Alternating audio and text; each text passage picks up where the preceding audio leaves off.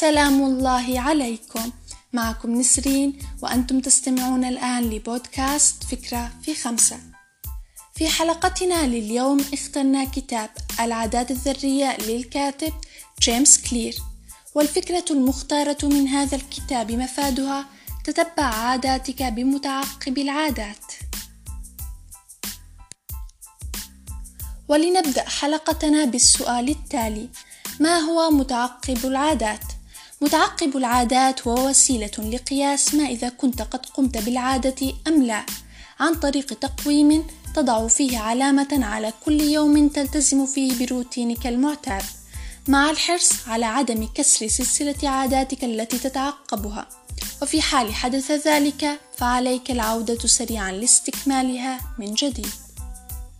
قد يتبادر إلى ذهنكم الآن أن هذه الفكرة هي فكرة بسيطة لذلك ربما لا تطبقونها في روتينكم اليومي لأنكم لا ترون الجدوى من ورائها فما هي فائدة وأهمية تعقب العادات؟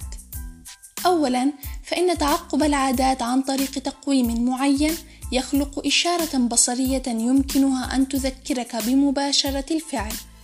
ثانيا تعقب العادات يحفزك لأنك ترى التقدم المتحقق ولا تريد أن تضيعه.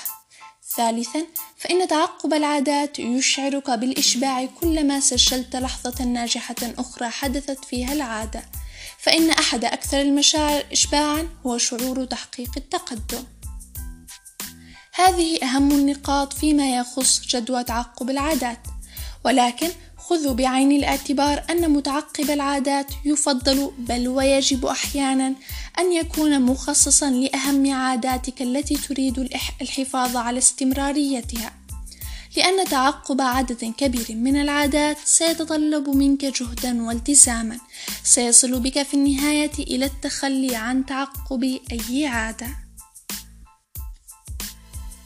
نأتي الآن ونطرح السؤال التالي. كيف يمكنني صناعة متعقب العادات الخاص بي؟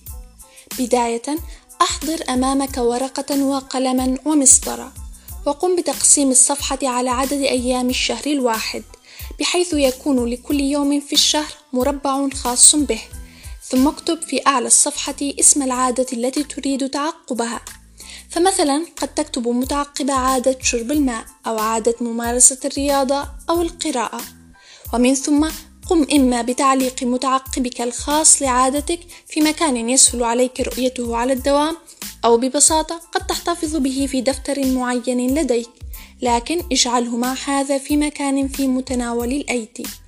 ومن بعد ذلك كلما قمت بأداء عادتك اتجه إلى متعقب العادات الخاص بك وقم بتلوين المربع الخاص بالعادة لذلك اليوم.